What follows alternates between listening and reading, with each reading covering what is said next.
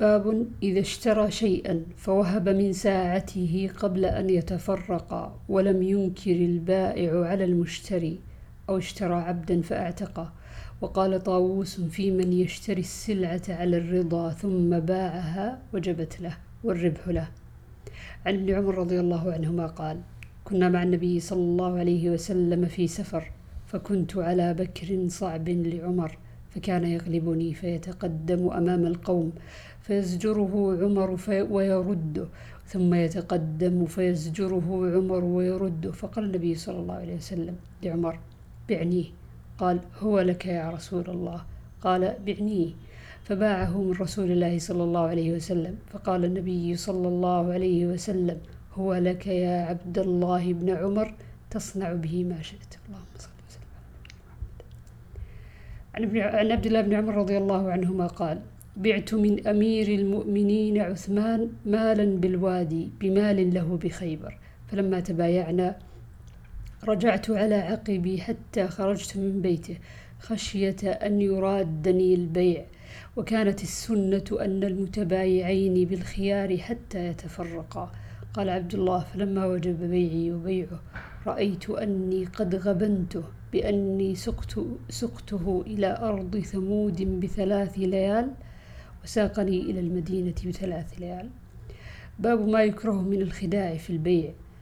عن عبد الله بن عمر رضي الله عنهما أن رجلا ذكر للنبي صلى الله عليه وسلم أنه يخدع في البيوع فقال إذا بايعت فقل لا خلابة.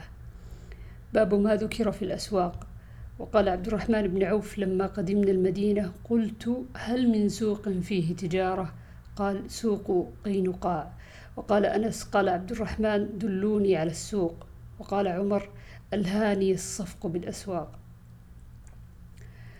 عن عائشة رضي الله عنها قالت قال رسول الله صلى الله عليه وسلم يغزو جيش الكعبة فإذا كانوا ببيداء من الأرض يخسف بأولهم وآخرهم. قالت قلت يا رسول الله كيف يخسف بأولهم وآخرهم وفيهم أسواقهم ومن ليس منهم قال يخسف بأولهم وآخرهم ثم يبعثون على نياتهم. عن أبي هريرة رضي الله عنه قال قال رسول الله صلى الله عليه وسلم صلاة أحدكم في جماعة تزيد على صلاته في سوقه وبيته بضع وعشرين درجة. وذلك بأنه إذا توضأ فأحسن الوضوء ثم أتى المسجد. لا يريد إلا الصلاة لا ينهزه إلا الصلاة لم يخطو خطوة إلا رفع بها درجة أو حطت عنه بها خطيئة. والملائكة تصلي على أحدكم ما دام في مصلاه, مصلاه الذي يصلي فيه. اللهم صل عليه اللهم ارحمه ما لم يحدث فيه. ما لم يؤذ فيه.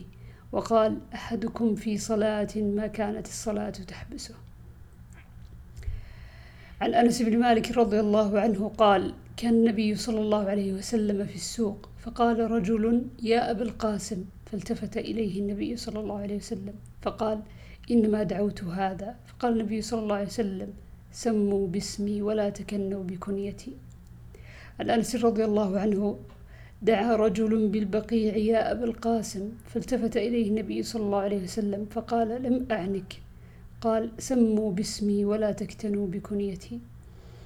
عن أبي هريرة الدوسي رضي الله عنه قال خرج النبي صلى الله عليه وسلم في طائفة النهار لا يكلمني ولا أكلمه حتى أتى سوق بني قينقاع فجلس بفناء بيت فاطمة فقال أثم لكع ابن لكع أثم لكع أثم لكع فحبسته, فحبسته شيئا فظننت أنها تلبسه سخابا أو تغسله فجاء يشتد حتى عانقه وقبله.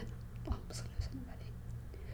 وقال اللهم أحببه وأحب من يحبه.